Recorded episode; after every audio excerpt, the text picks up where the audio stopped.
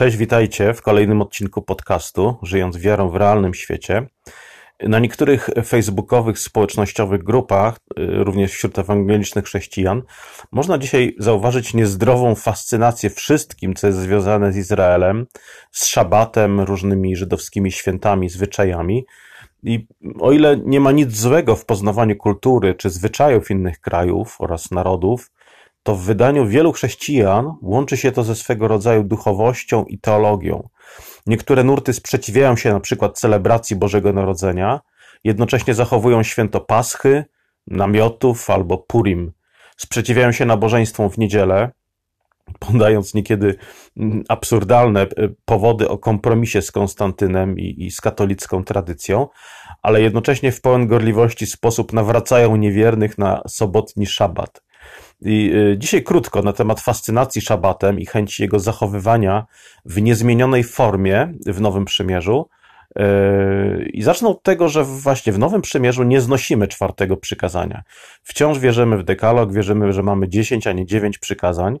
Y, antynomizm, który lekceważy albo znosi Boże prawo, jest rodzajem anarchii w Kościele, a nie rodzajem życia w łasce.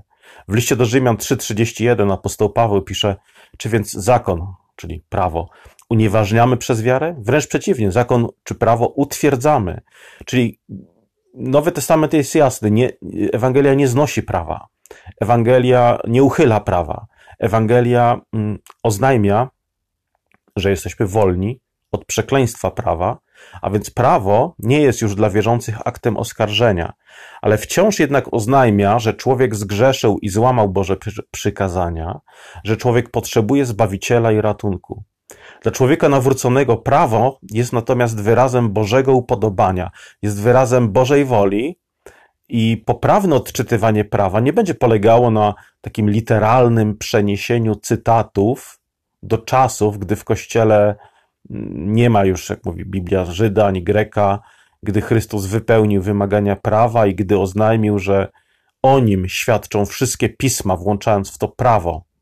Dlatego zrozumienie prawa powinno opierać się na dostrzeganiu w nim, właśnie w prawie, Chrystusa, odczytywanie prawa chrystocentrycznie, odczytywanie ponadczasowej zasady, która stoi za danym przepisem, a nie na skrupulatnym przepisywaniu wersetów prawa do statutów kościelnych.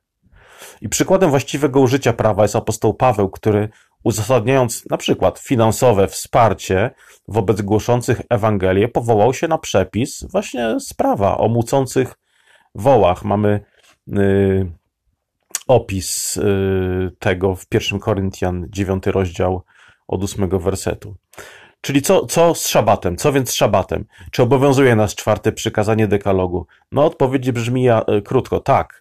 Kiedy jednak szukamy jego zastosowania w Nowym Przymierzu, powinniśmy pamiętać, że Nowy Testament rzucił światło na prawo. Właściwe odczytywanie prawa oznacza jego chrystocentryczną interpretację, włączając w to czwarte przykazanie i cały dekalog. Czwarte przykazanie jest chrystocentryczne. Wskazuje na dzieło Chrystusa i odpocznienie w nim. Po tym jak Chrystus zaangażował się w konstrukcję nowego stworzenia, odpoczął po swoim dziele, nie obchodzimy już szabatu jako pamiątki stworzenia świata. Raczej świętujemy stworzenie nowego świata, którego szabat był cieniem i zapowiedzią. Nie świętujemy wyprowadzenia na wolność z niewoli egipskiej na wzór ludu Bożego w Starym Przymierzu. Świętujemy prawdziwą wolność, którą Jezus przyniósł swoim zmartwychwstaniem. Dlaczego w całym Nowym Testamencie po zmartwychwstaniu Chrystusa nacisk jest położony nie na siódmy, ale na pierwszy dzień tygodnia? No odpowiedź jest oczywista. Chrystus zmartwychwstał tego dnia. I podkreślają ten dzień wszyscy ewangeliści, dzieje apostolskie, listy apostolskie i Księga Objawienia. Pierwszy dzień tygodnia to dzień zmartwychwstania pańskiego, dzień obecności Jezusa pośród zgromadzonych uczniów, to jest dzień łamania chleba, zbiórki na służbę Kościoła i potrzebującym. Na siódmy dzień nacisk jest położony w Starym Testamencie oraz Ewangeliach przed zmartwychwstaniem Jezusa. To bardzo ważne.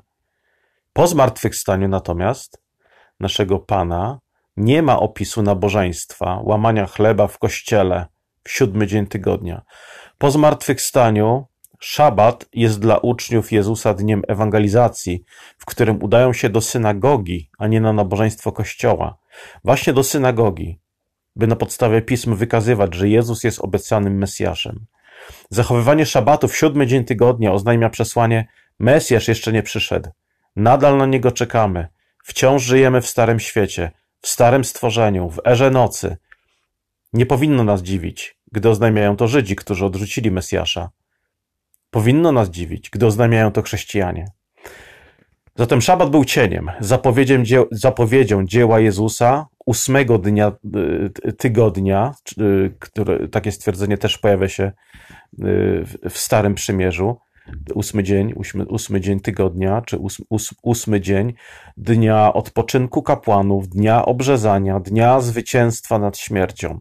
Dlatego podkreślamy, że tydzień rozpoczynamy od nabożeństwa, nie kończymy. Tydzień rozpoczynamy od posilenia od Pana przy stole pańskim i wokół słowa pańskiego. W Dzień Pański, w niedzielę, nacisk kładziemy na uwielbienie, na wspólnotę, na radość. Odpoczynek oczywiście jest elementem tego dnia, ale jego kontekstem jest prawdziwy odpoczynek w dziele Jezusa.